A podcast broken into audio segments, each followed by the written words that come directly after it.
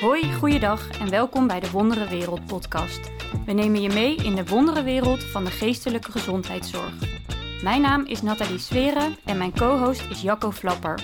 Allebei werken we bij GGZ-instelling Dr. Bosman. We zullen in gesprek gaan over verschillende onderwerpen die het werken in de GGZ raken. Leuk dat je luistert. Hoi, Hilda Lanser, welkom Dankjewel. in eh, deze podcastaflevering over verslaving. Yes. Vertel, wie ben je? Hoe kom je hier? Wat heb je gedaan? Kan je iets over jezelf vertellen? Ja, nou, mijn naam is Hilde Lanser. Ik ben eh 41 jaar. Ik ben begonnen met mijn carrière eh, om te werken in de verslavingszorg. Dat heb ik tien jaar lang gedaan. Eh, ik zeg altijd van het vrij verstrekken van heroïne tot het afkicken daarvan.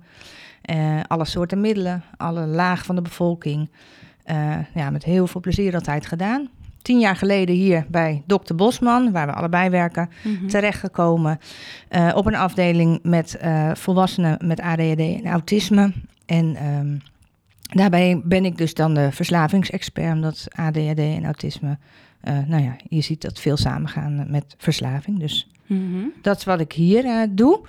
Ehm, en daarnaast heb ik een eigen praktijk, AFR Verslavingszorg. En eh, dat is eigenlijk een, eh, eh, waarin ik dus eigen cliënten begeleid en adviseer in het proces van verslaving en herstel. Dat doe je naast elkaar. Ja, doe ik naast Leuk. elkaar. Ja. Klinkt goed. hey, en waarom zitten we hier met elkaar? Waarom hebben we het over dit onderwerp? Nou, het is wel een belangrijk onderwerp. Het is iets wat, wat je steeds meer ziet in de media ook. Nou, denk aan BN'ers bijvoorbeeld, die voor hun verslaving uitkomen. Ehm, maar ook bijvoorbeeld eh, de explosieve toename van gokreclames. Het is best actueel, eh, dit onderwerp. Het is heel En- actueel. Ja. En, eh, nou ja, goed, en in de GGZ hebben we daar natuurlijk ook veel mee te, mee te maken. Dus Ja. ehm, Komt veel voorbij. komt Ja. heel veel voorbij, ja. En kan je dan vertellen wat, wat een verslaving precies is? Want iedereen zal er natuurlijk wel, wel een beeld bij hebben. En iedereen heeft wel een idee. Maar hoe, hoe omschrijf je dit? Ja, dat is een lastige. Eh daar zijn nogal veel meningen eh, over. De meningen zijn erover verdeeld. Eh, verslaving is een hersenziekte. Verslaving is een familieziekte. Ehm, nou, en wat, eh, wat ik eigenlijk aanhoud is... ehm, eh, wij kijken vooral er naar de DSM-5-criteria. De DSM-5 Mhm. is het handboek voor eh, psychiatrische stoornissen. Mhm. En daar zijn elf criteria opgesteld. En ehm, nou ja, als je er aan twee of drie daarvan voldoet, spreek je van een milde stoornis. Vier of vijf criteria, dan spreek je van een gematigde stoornis. En zes of meer criteria is een ernstige stoornis in gebruik. Ja. Het voert misschien een beetje te ver om al die criteria. eh, ja, je hoeft ze niet allemaal te noemen. te maar kan je een paar noemen, dat we een beetje een idee krijgen? Ja, nou, ik heb daar wel een handig ehm, eh, hulpmiddeltje voor. En dat is eigenlijk meer voor jezelf. Van als je denkt van, hé, hey, eh, hoe zit ik daar zelf in? En dat zijn eigenlijk drie dingen die ook eh, terugkomen in die elf criteria in de DSM-5 die ik net opnoemde. Oké. En dat is één is onderhandeling met jezelf. Dus telkens in gevecht zijn over het middel. Eh, twee is steeds meer nodig hebben Mhm. eh, om hetzelfde effect te bereiken. En het derde is het stiekem doen. Ah, ja. Dus als je die drie dingen bij jezelf merkt, dan zit je eigenlijk een beetje in de gevarenzone voor een verslaving. En is die onderhandeling, is dat dan van... Oh, maar ik heb al een paar dagen eh, geen drank gedronken, dus nu mag ik wel. Ja. Nu mag ik wel, of nu mag ik er wat meer. Of Ja. dat een beetje. Terwijl je Ja. dan eigenlijk bij jezelf voelt, hmm, kan eigenlijk niet. Maar dat je het goed gaat praten. Bedoel je Ja, dat zeker. Ja, dus echt in onderhandeling zijn met jezelf. Dus echt denken van, nou ja, eigenlijk wil ik het niet, maar ja, ik heb het toch wel verdiend. Dus Ja. nou ja, ik doe het toch maar. En ja, weet je, dan wordt het eigenlijk ook een soort gevecht in je hoofd van Ja. wel, niet. Ja. Er wordt ook wel eens gesproken over het duiveltje op je schouder, wat af en toe Mhm. oplopt. Nou, dat is echt dat, Ah, dat, dat gevecht, die onderhandeling. Ja. Ja. Oh, Ja. dat zijn wel goeie. Ja. Denk Ja. dat allemaal mensen nu bij zichzelf na zitten te gaan. Van hoe zit dat bij mij? ja. Oké, hey, en ehm, dus dan heb je die, die, de diagnostiek, doe je dan naar aanleiding van die DSM-criteria. Ja, ja. En dan? Wat, eh, wat gebeurt er dan? Nou, dat is dus eigenlijk het vaststellen van de ernst. Dus de mate van ernst van verslaving. Dat is altijd de eerste stap. En van daaruit ga je dus kijken van, nou, wat heeft een cliënt dan nodig? En kan de cliënt in een ambulante setting bij dokter Bosman of in mijn eigen praktijk. Mhm. Hè, ehm, gaat het dan lukken om, eh, om te kijken of iemand wat kan minderen? Of, of moet iemand helemaal stoppen? Mhm. En in het kader daarvan wordt ook wel vaak gezegd van eh, verslaving is een chronische ziekte. En er is eigenlijk maar één medicijn bij voor en dat is abstinentie. Ja, dus helemaal stoppen. Dus helemaal stoppen. Ja. Ja. En eh, Want je hebt nu ook best wel wat pro- programma's Mhm. op tv daarover. En daar Ja. zeggen ze volgens mij ook altijd van... ik ben verslaafd. Ook Ja. al ben je al 30 jaar Ja. clean... maar dat je dus eigenlijk altijd verslaafd blijft. ja, Oké, Ja. ja. ja, dat klopt. En dat is ook, hè, dat, dat noem je dan een verslaafde in herstel. Maar een verslaafde in herstel moet daar echt wel ook eh, nou ja, voor werken om in herstel eh, blijven. te blijven. Ja, Ja, ah, zeker. helder. Ja, Ja, dus Ja. dan ga je daar naar kijken of waar het kan. Ja, en, en, en dan, dan stel je dus vast, hè, is het wel of geen verslaving? Nou ja, als het alleen een stukje ja, middelenmisbruik is, dus eigenlijk het stukje wat voor verslaving komt, dan, zul je, dan kun je kijken van nou, kan iemand eh, eh, daarmee minderen? Ehm, eh, en dan kijk je of je dat stukje kan begeleiden. En zie je dat dat wel ook lukt om te minderen? Of lukt het eigenlijk alleen als je helemaal stopt? Ehm, ja, dat is, dus, dat is dus het stukje van hoe ver, in hoeverre zit je eigenlijk al op dat pad van verslaving. Ah ja. Eh, dus ehm, nou, de meeste mensen die ik eh, begeleid eh, zitten vaak wel wat verder op dat pad van verslaving. En dan kom je snel Ja. aan dat stukje van ga je helemaal stoppen. Nou, dat kan je dus ambulant doen. Maar soms is daar ook een klinische opname voor nodig. En Mhm. dan, eh, eh, dan begeleid je ze daar naartoe, Ja. naar zo'n klinische opname. Ja, Dan begeleid jij ze ambulant naar de klinische Ja. opname. Ja. Ja. Want hoe ziet dat er bij jou uit dan? Want jij werkt niet in een kliniek, maar jij doet het ambulant. Ja. Hier, maar ook eh, in je eigen praktijk. Ja. Hoe ziet dat eruit dan? Nou ja, dan eh, op het moment dat, eh, dat duidelijk wordt dat bijvoorbeeld een cliënt naar een kliniek gaat, dan eh, ben ik ook vaak bezig met zijn familie. Mhm. Want nou, een cliënt komt eigenlijk nooit alleen, er komt altijd een hele familie bij kijken. Ja. Nou ja, wat ik al eerder zei, verslaving is een familieziekte, dus met die familie moet je ook wat. Mhm. Dus op het moment dat de cliënt naar de kliniek gaat, ga ik aan de slag met de familie. En dan bereid ik ze voor op de terugkomst van de cliënt uit de kliniek. Mhm. En als de cliënt dus uit de kliniek komt, dan eh, ga ik verder met recovery coaching, dus herstelcoaching. Met zowel de cliënt als Ja. de familie? Ja, Oké, ja, ja. ja. En dan, eh, nou, en dan gaan we dus kijken van, eh, ja, ja, hè, om, dan, wordt ook een stukje herontdekken van wie ben ik, wat wil ik, wat, hoe kan ik een zinvol, gelukkig leven leiden. Ja. ja, dat soort dingen komen aan bod. Terugvalpreventie. Was, was, Kan het ook zijn dat het dan een stukje van je identiteit was? Dus dat je dat een beetje opnieuw moet ontdekken? Bedoel je dat er ook mee of niet per se? Nou ja, weet je, eh, als je, als je verslaafd bent, dan, dan, dan draait alles om dat gebruik. Dus eh, nou ja, alles daaromheen is allemaal niet zo heel interessant meer. Nee. Dus op het moment dat dat gebruik stopt, Ja, ja, wat dan blijft er dan over? wat blijft er dan over? En dan kijken mensen echt van, oh, hm, wie ben ik eigenlijk en wat kan ik? Ja, Dus het is echt wel een stukje herontdekken van jezelf daarin. oké. Ja. En daar begeleid jij ze in? Ja, ja. ja. En heb je altijd dat ze dus ook dat er een klinische opname bij betrokken is? Of heb je ook cliënten waarvan er niet per se een klinische opname is, maar dat het voldoende is bij jou?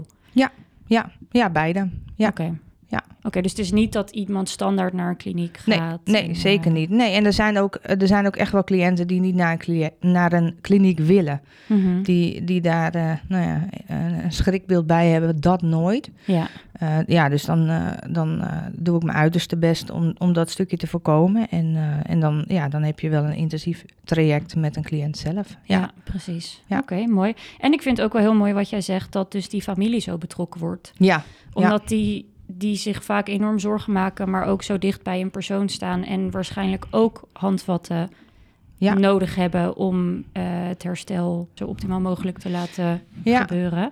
ja. Nee, dat klopt. En, en met name moeders daarin. Je ziet Ja? toch vaak. Wat gebeurt ja, daarin dan? Ja, dat is toch wel een, eh, dat is toch wel een dingetje. Ja, weet je, een, een moeder wil haar kind niet loslaten. Ja, En wat je heel vaak terug hoort is van ja, weet je, als ik, eh, als ik hem loslaat, dan belandt hij in de goot. En wat moet er dan van hem terechtkomen? Terwijl uiteindelijk. soms is dat misschien wel even nodig. Ja, een stukje rock bottom. eh, Mhm. hè, maar ook, ehm, ja, weet je, de moeder is daarin vaak ook een soort instandhoudende factor. Hè? Dus die, Zonder dat ze doorhebben. ja, ja, Ja. dus die geven toch weer een beetje geld. Of een, Kom Hè, maar weer thuis. Kom maar weer thuis en die verzorgen ze. En nou ja, Ah. weet je. Dus, dus dan heeft een cliënt dus uiteindelijk geen noodzaak om ermee te stoppen. Want hij wordt constant, ja, eigenlijk toch een beetje in de watten gelegd. Ja, En eh, het is heel tegennatuurlijk voor een moeder om te zeggen van, weet je... ehm, trek mijn handen Ja, precies, Ja. tot hier en niet verder. Ja, dus Wow, dus dat zijn vast hele interessante gesprekken, dat zijn niet? hele interessante gesprekken. Jazeker. Ja, ja, ja, ja. wat cool. ja.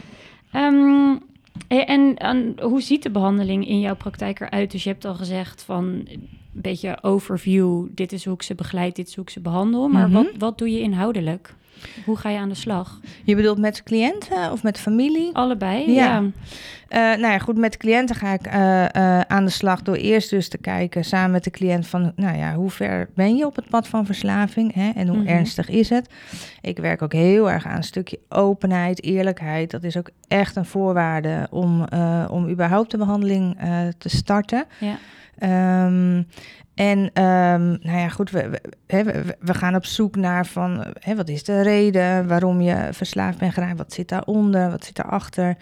Ehm ja, eh, op die manier. Mhm. En ga je ook een stukje uitleg geven Ja. over Zeker. verslaving? Ja, ja, ja dat, eh psycho-educatie hoort daar zeker bij. Ja.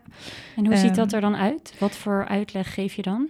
Nou, dus om te kijken van hè, waar, waar staat iemand, dan, dan neem ik, ga ik eh, meestal kijken naar de vijf fases van verslaving. Oké. Eh, de eerste fase is, is het experimenteren ermee. De tweede fase is het recreatief gebruik. Derde fase is gewoontegebruik. Nou, dan kom je al een beetje zo op dat pad van verslaving terecht. Vierde is gebruik bij problemen. Hè, dus dan niet meer, ja, dan wordt het eigenlijk je coping.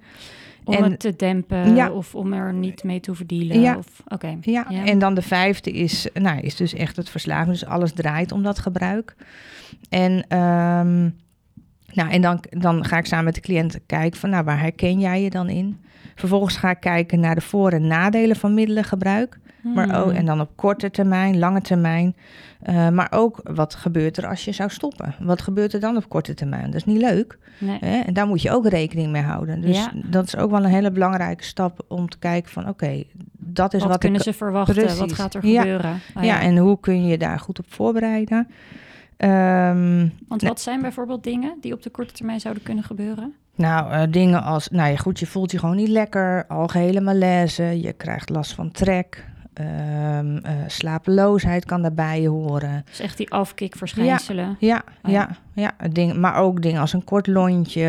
ehm, ja, dat zijn allemaal wel dingen die daarbij horen. En het is echt wel interessant om daar naar te gaan kijken. Ja. Want- En goed om ja. van tevoren te weten Ja. dat als het gebeurt, dat je weet van, oh, dit hoort erbij. Precies, ja. Ja. Ja. Oké. Ja, nou ja, goed. En we hebben het uiteraard ook over wat is dan een gezonde leefstijl? Wat houdt dat in? Hè? Want het kan wel zijn dat ik zeg van joh, je moet eh, elke dag gaan sporten. Maar misschien houdt diegene helemaal niet van sporten. Ja. Dus dan past dat niet bij Mhm. hem of bij haar. Dus het is ook altijd wel, wel een stukje maatwerk van kijken van ja, wat past nou bij jou? Ja. Ja. Ja. Mooi. Oké, en je zei net van, we gaan, je kijkt dan naar wat zijn de korte termijn, wat gaat er gebeuren en wat Mhm. zijn de lange termijn voordelen en nadelen. Ja. Wat zijn eigenlijk, als je echt puur naar verslaving kijkt, wat zijn daarvan de korte en lange termijn gevolgen?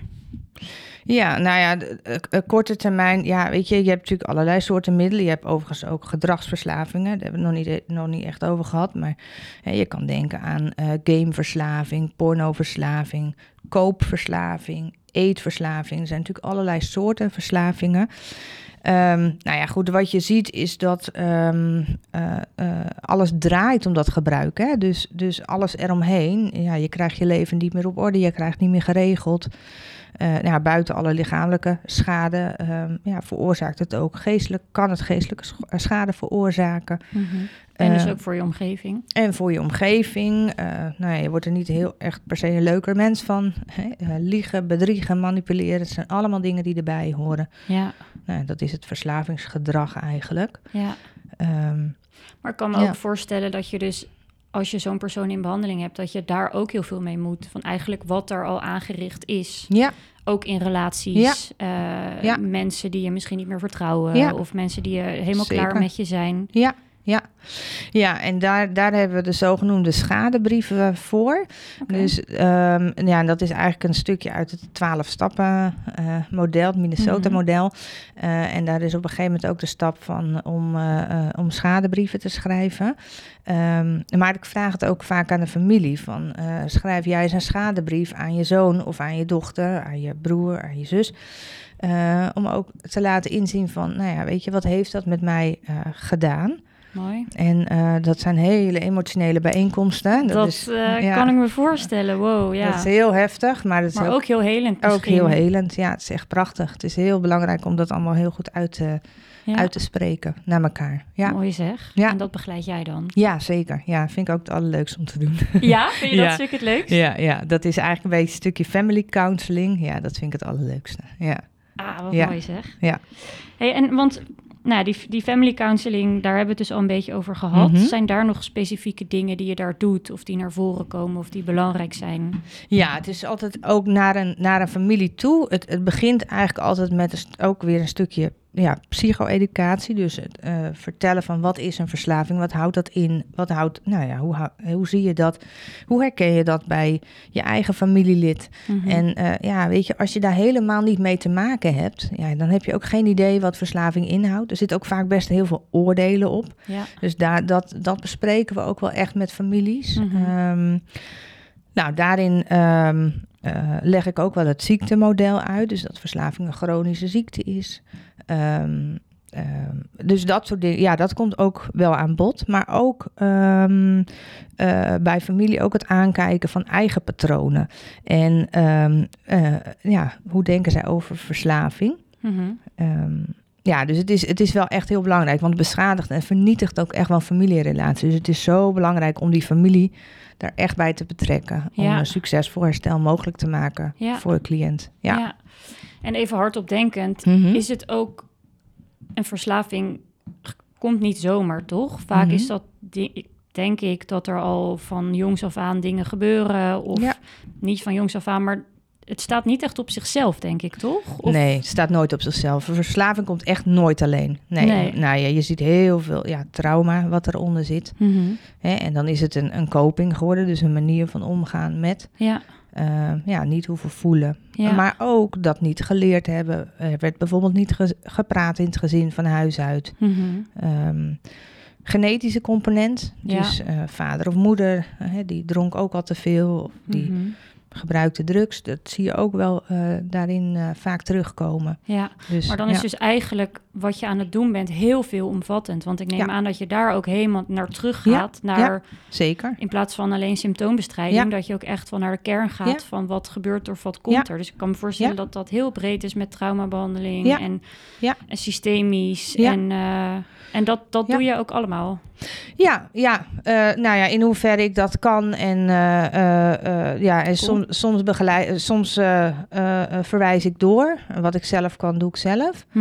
Ehm, ja, dat is inderdaad heel veelomvattend. Ja. Ja, En Zeker. ik denk dat er soms ook wel een soort beerput opengetrokken Ja. wordt, of niet? Ja. Dat je dan ineens denkt van, wow, zit dit Ja. er allemaal onder? En wat gebeurt er? ja. ja, en ook vooral dat bespreekbaar maken. En, en vooral in families ook. Vaak zie je van, eh, er zijn vaak wat familiegeheimen. Er wordt niet Mhm. gepraat in deze familie. Dat zie je gewoon veel, eh, veel voorbij komen. En eh, gewoon alleen al het, eh, ja, het eerlijk en open bespreken. Zeg ik ook vaak tegen families van, nou, jullie zoon, jullie dochter... eh, partner, eh, broer, zus is nu opgenomen. Het eerste wat hij leert dag één in de kliniek is openheid en eerlijkheid. Dat is wat wij ook gaan doen bij de family counseling. Dus, nou ja, en alleen dat al, eh, dat, is, dat is vaak al zo'n switch voor een familie. Dat ook Ja, dat als stukje ze dat al- nooit doen of niet Precies. kunnen. hè? Ja. Ja, dus en, en op die manier wordt ook dat helingsproces eh, eh, ingezet. Nou ja, goed, en als ik merk dat er een bepaald familielid vastloopt of echt eh, nou ja, een eigen trauma aankijkt, ja, dan verwijs ik ook wel door. Zeker. Ja, Ja. Ja. Ja. want dat zal inderdaad ook zijn dat er dus Ja. ook veel eigen problematiek bij de familieleden zijn, waardoor Ja. het ook goed is om daar iets mee te doen. zeker. Ja, ja. Super interessant. is het zeker. Ehm, hoe, eh, hoe zit het met de, de prevalentie en de terugval? Hoe, hoe werkt dat? Hoe vaak komt het voor ongeveer in de maatschappij? Mhm. Ehm, en als ze weggaan bij jou, komen ze weer vaak terug? Kan je daar iets over vertellen? Ja, verslaving is een chronische ziekte. Dus Ja. het kent een chronisch beloop. En eh, ja, wat je, de cijfers daarvan na behandeling in de verslavingszorg... eh, heeft 50 tot 70 procent van de cliënten binnen een jaar een terugval. Zo, En dat, heeft, veel, dat is heel veel. En dat heeft dus niet zozeer te maken met dat de zorg niet goed is. Eh, maar ja, dat heeft te maken met de, met de aard van deze, deze ziekte. Dus dat is best heel veel. Ja. En wat, wat ik gewoon zie is dat ja, mensen hebben vaak meerdere eh, opnames nodig. Hè, voordat dat kwartje begint te vallen. Ja. Ehm, daarin is het ook altijd heel belangrijk om te zeggen dat elke opname is, eh, ehm, eh, is van belang. Mhm. Ja, ik, ik, laat ook vaak, ik gebruik vaak het voorbeeld van een trap. Mhm. Eh, hè, je kan zeg maar twee treden eh, naar boven en weer eentje terugvallen. Maar uiteindelijk kom je op die manier toch boven. Ja. En dat is ook vaak zo dat, eh, met, eh, ja, met verslaving en verslavingszorg, opnames daarbinnen. Ehm, ja, het, het is ook een beetje vaak de, ja, kijken van waar staat iemand op die trap. En, Ja. ehm, Het is geen weggegooide opname Nee, als ze later nee, terugkomen. Nee, zeker niet. Want, Nee. En dat hoor je ook wel hoor. Van, nou weet je, toen en toen, de, toen die paar jaar geleden, daar is toch wel het zaadje geplant. Hmm. Waardoor het me nu wel lukt om clean te blijven. Alleen toen waren mijn omstandigheden niet zo zoals ze nu zijn bijvoorbeeld. Ja, Ja. Oh, mooi. Wel goed Ja. dat je dat zegt. Want ik kan me voorstellen dat het ook als falen voelt als je weer, Ja, als je toch weer, weer opnieuw begonnen Ja. bent of weer bezig Ja. bent en weer naar een kliniek gaat. ja, ja, en dat, ja dat, en dat hoort erbij. En dat is ook, hè, terugval hoort daar ook bij. Ja, En dat is altijd een lastige, want dan kan je zeggen, oh ja, want dan heb ik dus een reden om te gebruiken, want terugval hoort erbij. Hmm. Eh, dat is denk ik niet echt een goede manier om het aan te vliegen. Maar het is Nee. wel eh, goed voor jezelf om te weten van hè, als je een opname hebt gehad en je valt terug, eh, ja, weet je, dan ben je ook niet helemaal. of Ja, zo. maar ook dat je niet terug bij af bent en dat je het ook, weet je, weer op kan pakken en weer door kan gaan. Ja, Vergelijk mooi, dat heel dan- motiverend. Ja, en ik vergelijk dat altijd een beetje met, eh, met schaatsen. Mhm. Hè, eh, op het ijs, je kan, eh, je kan schaatsen en uitglijden. Dan val je op je kont, doet even zeer, sta je op, ga je weer verder. Mhm. Hè, maar je kan ook door het ijs heen zakken. En dat Mhm. is veel gevaarlijker. Dan ben je veel verder van huis. Een soort van terug bij af. Dus Ja. kijk ook altijd bij een terugval. Is het eigenlijk een soort van uitglijden? Doet even zeer, ik sta weer op. Of is het een echte terugval en Ah, moet ik ja. alles weer oppakken? Ja, Oh, dat is wel een mooie metafoor. ja, Wauw. ja. En als ik een beetje om me heen kijk, nou, ik ben een beetje eind twintig, Mhm. zie ik gewoon dat er heel veel alcohol gebruikt wordt, Ja. eh, heel veel drugs gebruikt wordt. eh, het wordt steeds normaler ook. ja, Waarvan ik van heel veel mensen denk, oh haha, dat is een beetje voor de grap. En nou ja, dus van die, die fases die je net zei, van een beetje experimenteel. Maar ook, ook soms wel wordt het op momenten ook een beetje normaal. ja. Hoe, hoe moet ik dit zien in de maatschappij? Zeg maar, zijn er veel meer mensen eigenlijk verslaafd dan we denken? Of veel meer dan, dan toegegeven wordt? Of valt het wel mee? Of zijn, zijn daar ideeën over? Ik denk niet dat het meevalt. Nee, En- dat denk ik nee. persoonlijk ook niet. Maar nee, helaas. ik ben benieuwd. Ja, Ehm, nou ja, het, het, eigenlijk al wat je zegt. Je schetst het beeld al. Het is ehm, eh, wat er is gebeurd, nou ja, de laatste x aantal jaren, is dat het echt wel genormaliseerd is. Mhm. Ik werk hier in Amsterdam bij dokter Bosman, dat vertelde ik al. Ik doe hier eh, eh, ook een stukje medische screenings, Mhm. omdat ik van huis uit ook verpleegkundige ben. En dat ja, ook leuk vind om dat stukje bij te houden. Nou, en dan tijdens zo'n medische screening ben je heel gericht aan het uitvragen eh, over middelengebruik. Mhm. En eh, het is echt een uitzondering als iemand niks gebruikt. Ik doe dit nu dus al tien jaar hier. En ik Mhm. denk dat ik nou een paar keer per jaar iemand heb die zegt... nee, ik heb nog nooit wat gebruikt. Ja. Met andere En woorden... wat versta je onder gebruikt? Ik heb nog nooit wat gebruikt. nou, nog nooit alcohol gedronken, nog nooit drugs gebruikt. Oh ja, Eh, maar ja. ook, kijk, alcohol is natuurlijk ja, wat normaler. Dat zit ook echt heel erg verweven in onze maatschappij. Mhm. Maar ja, drugs wordt eigenlijk ook wel aardig normaal daarin. Ja, Ja, zeker. Ja. Ja. Nou ja, nu je dit zo zegt, eh, jij ziet veel volwassenen, ik zie veel, eh, veel jongeren. Ja. Wordt ook bijna allemaal blowen ze, is ook Ja. normaal. En als je dan Ja. ook met hun bespreekt van, nou oh ja, je hebt slaapproblematiek of je bent angstig. Nou, dat kan mogelijk versterkt worden door blowen. Nou, dan is het echt van, nee joh, is echt niet waar. Iedereen Ja. doet dit. Ja, het is dus- heel normaal hoor. Eh, Ja. Wat, en dan kijken ze me echt aan van, gaat het even lekker? ja, En dan willen ze het ook niet horen natuurlijk. Maar dat ook bijna allemaal. Ja. ja. Nou, het is heel herkenbaar. Het is echt, nou, die zin, iedereen doet het, dus Hè? Dus het is normaal. Dus het is oké, Ja. dus het is normaal. Die hoor ik natuurlijk heel veel terug in mijn spreekkamer. Ja, En dan is het inderdaad de kunst om uit te gaan leggen van... eh, maar goed, weet je, je zit hier niet voor niks bij ons. Dus, eh, hè, en ehm, ehm, nou ja, je hebt slaapproblemen bijvoorbeeld. Ja. Eh, ga eens kijken of je eens even twee weken gaat stoppen met blowen. Wat gebeurt er dan? ja, ja. Ja, Maar nog heel even terug naar, die, naar dus hoe- hoeveel het voorkomt. Want Mhm. wat jij dus zei van eigen, ja, het is heel normaal geworden, het gebeurt overal. ja. Zijn daar iets van cijfers van bekend? Of niet per se, omdat er ook heel veel misschien niet in de hulpverlening terechtkomt? Nou ja, dat, eh, dat is inderdaad waar. Maar ehm,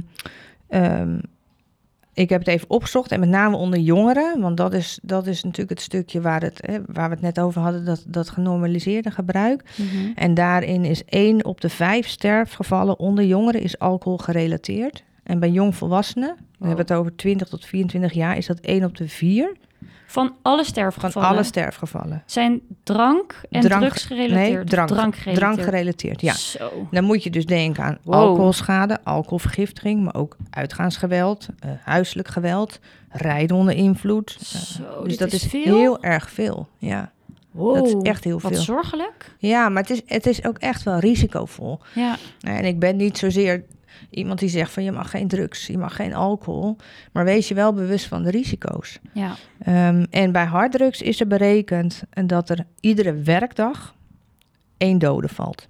in Nederland. En- in Nederland, ja. En dat is zowel jongeren als volwassenen. Maar dat is ook best veel. Zeker. Ja. Ja. Jeetje, Mina. Ja, je hebt alle leuke kanten ervan, maar je Ja. hebt ook een hele donkere kant ervan. Zeker, ja. Ja. ja. Want als we het dan over de maatschappij hebben, zij, zie jij bepaalde ontwikkelingen, dus dat, dat het genormaliseerd wordt. Maar Ja. wat kan je daar iets over vertellen, over de link met de maatschappij en Ja. hoe zie jij dat? Nou ja, het is genormaliseerd. Maar ja, goed, het is ook heel simpel. Al deze mensen moeten ook eh, voorzien worden in hun gebruik. En dan heb ik het dus over eh, ja, mensen die in het weekend graag eh, een pilletje doen, op een festival eventjes wat meenemen. Eh, ja, daar is natuurlijk een hele industrie in ontstaan. Mhm. en, en ja, dat moet ook gefaciliteerd worden. Hè, Het is heel makkelijk om eraan te komen. Maar ja, goed, dat is natuurlijk ook opgetuigd eh, Mhm. de laatste jaren. Nou ja, dan hebben we natuurlijk over een stukje mokromafia Mhm. daarin. Eh, en dan zie je dus wel dat dat heel erg verhard is. En Ja. dat die, hè, die mensen gaan overlijken. Mhm. Nou ja, eh, Peter R. de Vries is daar natuurlijk het meest eh, Mhm. recente, ongelooflijk diep trieste voorbeeld van.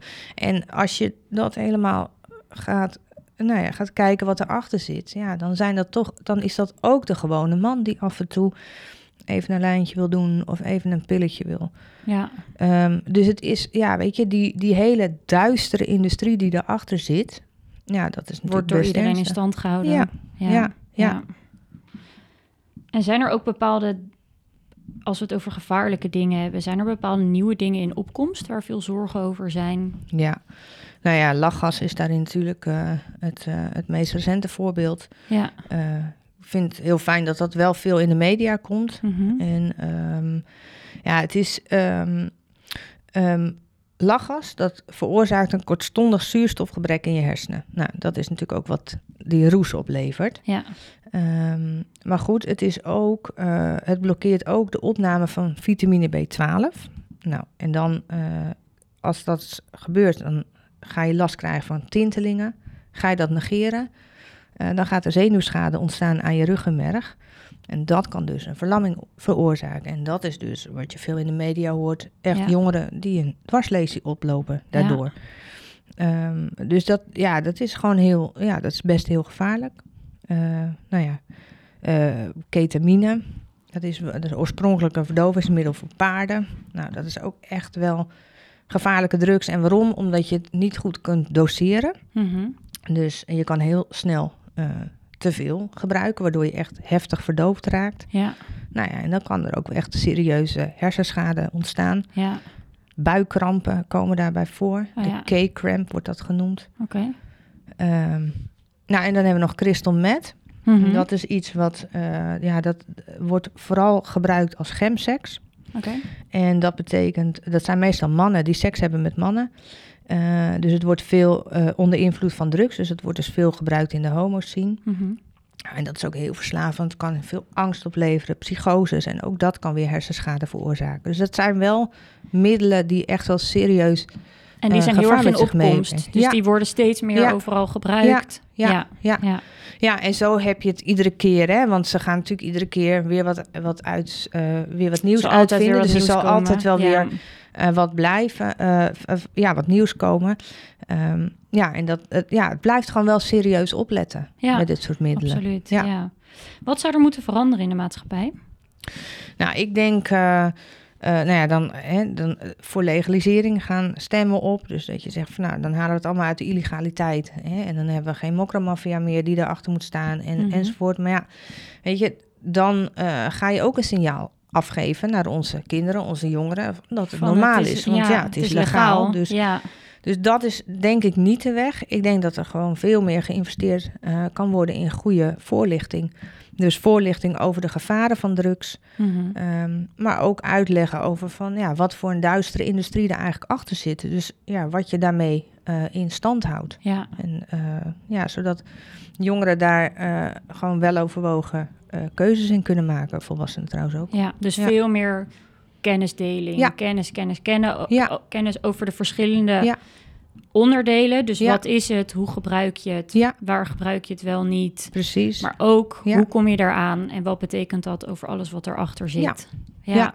Ja. Zodat, je, zodat het je misschien ook wat minder overkomt of zo. Dat je het gewoon Ja. maar doet zonder dat je het bewust doet. Ja, en dat je een beetje uitgaat, ja, want iedereen doet het toch. eh, dat, je, ja, dat, je, dat je daarin gewoon wel overwogen keuzes Ja. kunt maken. En dan nogmaals ga ik niet zeggen van je moet dat dus helemaal niet doen. Nee, Ehm, want dat gebeurt toch wel. Dat gebeurt toch wel, maar ja, ik maak me wel zorgen de, de schaalgrootte wat nu aan de hand is. Ja. Nou ja, Ja. wat ik altijd wel interessant vind, wij hebben hier een jongerengroep met, eh, nou ja, dus met jongeren. eh, en dan komt dit ook altijd aan Mhm. bod, bo- eh, blowen en lachgas. En dan vertellen we er dus ook over. Ja.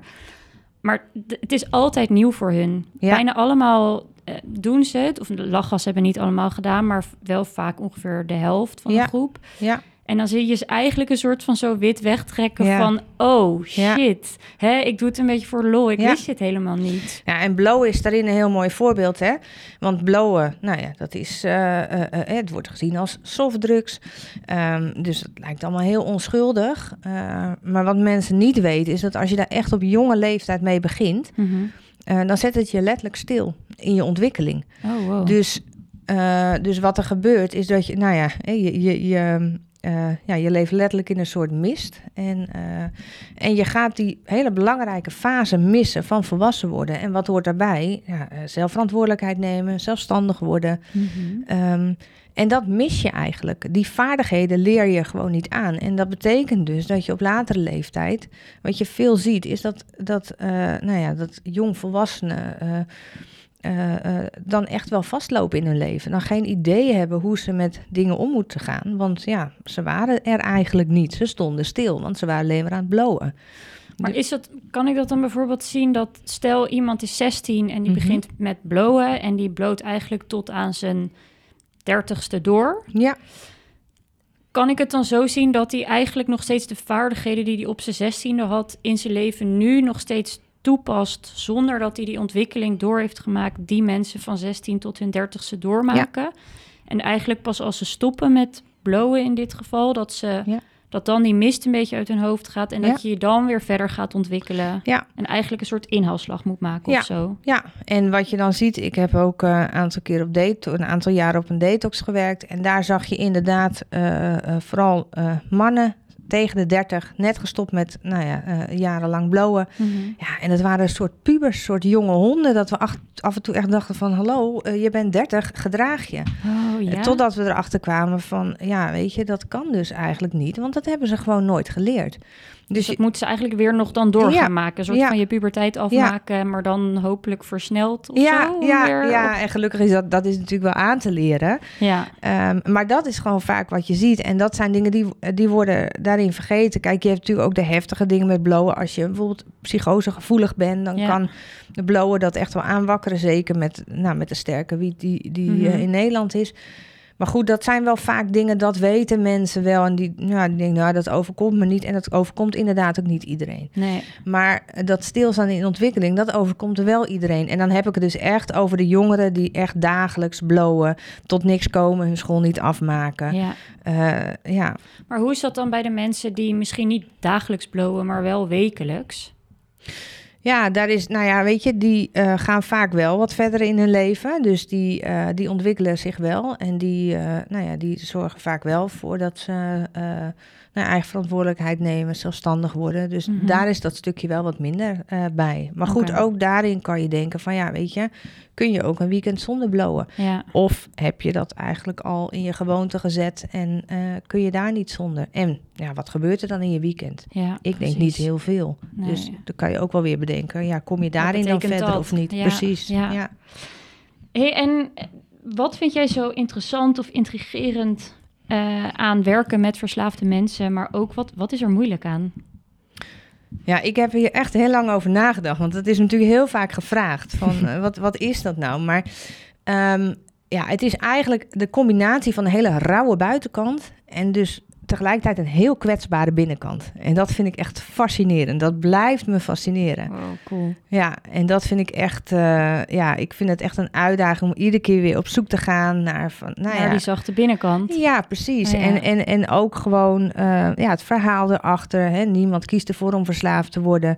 Dus eh, ja, weet je, om het dan toch voor elkaar te krijgen, om de vinger op de zere plek te leggen. Nou, en uiteindelijk iemand weer gewoon eh, ja, te sturen over zijn. Ja, precies. En het sturen over zijn eigen leven weer terug te zien pakken. Ja, dat is fantastisch om te zien. Maar gaat het Ja. altijd zo, zo Ja, mooi? mooi. Ja, zeg maar. Kan je daar, eh, is het ook wel eens heel ingewikkeld dat je, dat je dat graag wil, maar dat je denkt, kom op, wat gebeurt er? Tuurlijk, maar ja, dat is natuurlijk ook, hè, als we weer teruggaan naar die trap, dat is dus het stukje van, ja, weet je, soms dan, dan is iemand gewoon nog niet bovenaan. En hoe graag je dat wil als hulpverlener, maar goed, iemand moet het uiteindelijk zelf doen. Dus ja, ik kan eraan zo. trekken, maar eh, ja, en, en dat heb ik wel geleerd door de jaren heen. Hè, aan het begin denk je echt, oh, ik ga echt iedereen redden en dat gaat me lukken. Mhm. Nou, zo'n jonge hond Precies. die denkt, Ja, ik, eh, in de yes, hulpverlening, ik ja. ga iedereen helpen. Ja, en dat lukt natuurlijk niet. En Nee. het is denk ik heel erg de kunst om, nou ja, ook een beetje op antwoord te geven op je vraag, wat is er moeilijk aan?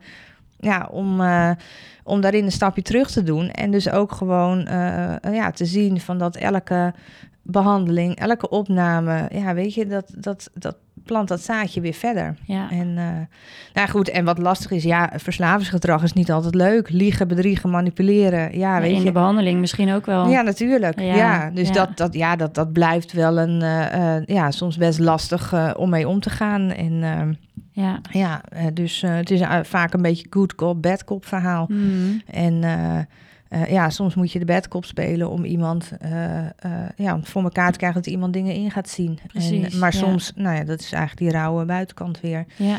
En soms ben je natuurlijk weer de good cop om iemand dus ook, nou ja, die breekt, ook volledig te kunnen ondersteunen. ja. Ja, Mooi. dus het is, ja, het Ik is denk ook heel dankbaar, of niet? ja, ja, onwijs dankbaar. Ja, Vooral ja. met die hele families. En, ja zeker. ja. Ja. Ja. en je kan iemand wel echt eh, eh, nou ja, op weg helpen naar een, eh, ja, naar een beter leven. Niet altijd, echt niet Mhm. altijd, maar soms wel. En Ja. Mooi zeg. ja dat vind ik echt tof. Ja, Echt leuk om te horen. Nou ja, je krijgt ook helemaal twinkelogen Ja, als je erover praat. Dus ja. echt leuk. Ja. Heb jij nog een, een laatste anekdote? Of Ja. voordat we daarheen gaan, heb jij nog bepaalde onderwerpen waarvan je zegt: hier wil ik nog iets over vertellen? Of Ehm, nou ja, vooral dat stukje van verslaving en ehm, eh, eh, chronische ziekte. eh, ja, weet je, dat zijn. Er wordt nou toevallig, as we speak, ook een onderzoek weer gedaan naar een stukje ziekte en een stukje ehm, eh, eigen keuze daarin. Mhm. En dat blijft een, een, een lastige en de meningen blijven daar wel over verdeeld. En wat mij daarin heel erg geholpen heeft, is om te zien van, weet je, verslaving, dat is geen keuze. Mhm. Maar herstel, dat is Mm. altijd een keuze. Mooi. En dat vind ik eigenlijk wel een mooie samenvatting van, ja, van wat dat stukje eh, inhoudt. Ja, Ja, ja, mooi. ja. Ja, zet hem even aan het denken. Ja. Heb jij als laatst nog, een, uh, nog nagedacht over een anekdote? Ja, die heb ik zeker. Uh, nou ja, zoals we net al zeiden, hè, de krenten uit de pap, de dingen waarbij het ineens wel lukt, dat is natuurlijk fantastisch. Mm -hmm. um, ik had een aantal jaren geleden een uh, cliënt die van zijn twaalfde tot zijn 37ste had gebloot. Oh. Non-stop. Dus 25 jaar lang, geen dag overgeslagen. Zo. Dus die ziek was altijd ah. gebloot. Nou, ik gaf uh, in die periode een, uh, um, een training, een groepstraining over verslaving. Ging het vooral om nou, weer psycho-educatie, voorlichting geven mm -hmm. uh, en een stukje lotgenotencontact. En um, na de derde bijeenkomst vertelde deze man: Oké, okay, ik ben gestopt. Ik zei: Oké. Okay. En dus ik zei: Nou, fantastisch, hoe heb je dat gedaan dan? Ja, zegt hij: Ik was er klaar mee. En um, ja, door jou ben ik gestopt. Oh. Dus zei ik, nou, ik zeg, ik vind het wel een leuk compliment. Ik zeg, maar ik geef het wel aan je terug, want uh, je hebt het zelf gedaan. Ik heb je wat uh, informatie gegeven, stof tot nadenken misschien. Maar jij hebt de keuze gemaakt, dus alle credits naar jou. Nou, dat was natuurlijk heel tof om dat, uh, om dat mee te maken. ik ging naar huis en uh, mijn oudste zoon was toen zeven mm -hmm. jaar en hij was nog wakker. En ik ging even lekker bij hem zitten. Hij zei, mam, wat heb je allemaal gedaan vandaag? Beetje rekken natuurlijk. Want ja, ja, ja, vond het niet willen slapen. Hartstikke gezellig. Um, nou, en op die manier kregen we het over drugs. Dus hij zegt, nou ja, maar mam, wat is dat dan, dat drugs? Hè? En wat doet dat dan en zo? Nou, ik, dit was, uh, uh, uh, deze anekdote was gebeurd zeg maar, op mijn werk bij dokter Bosman. Dus het zijn mm-hmm. mensen met ADHD. Dus ik legde uit van nou, de meeste mensen die daar drugs gebruiken, die doen dat om lekker rustig te worden in hun hoofd. Mm-hmm. Oh, zegt die man, dan ben jij mijn drugsje, want ik word altijd zo lekker rustig van jou. nou. En toen dacht ik echt, oh, maar ik dacht ook van oké, deze keer ga ik toch even iets anders reageren op dit compliment. Want toen dacht ik, weet je wat? Alle credits naar mama. Ja, goed Ja. zo. Ah, mooi. Lief zeg. Ja. Ehm, ik denk dat we hier nog heel lang over door kunnen praten. eh, Ja. Want het is natuurlijk echt een super breed onderwerp. Ja. En het, het zijn zoveel aparte thema's die eraan vasthangen. Zeker, En, ja. en we kunnen nog, nou ja, wie weet, nog nieuwe afleveringen maken. Ja, Maar leuk. veel dank dat je mij en eh, iedereen meegenomen hebt in het eh, verslavingsverhaal. Ja. En eh, succes ook. ja, dankjewel en heel graag gedaan. Mooi, dankjewel. Dankjewel. Dit was de Wondere Wereld podcast. Een podcast mede mogelijk gemaakt door Dr. Bosman. Muziek wordt gedaan door Noodweer Music. Bedankt voor het luisteren.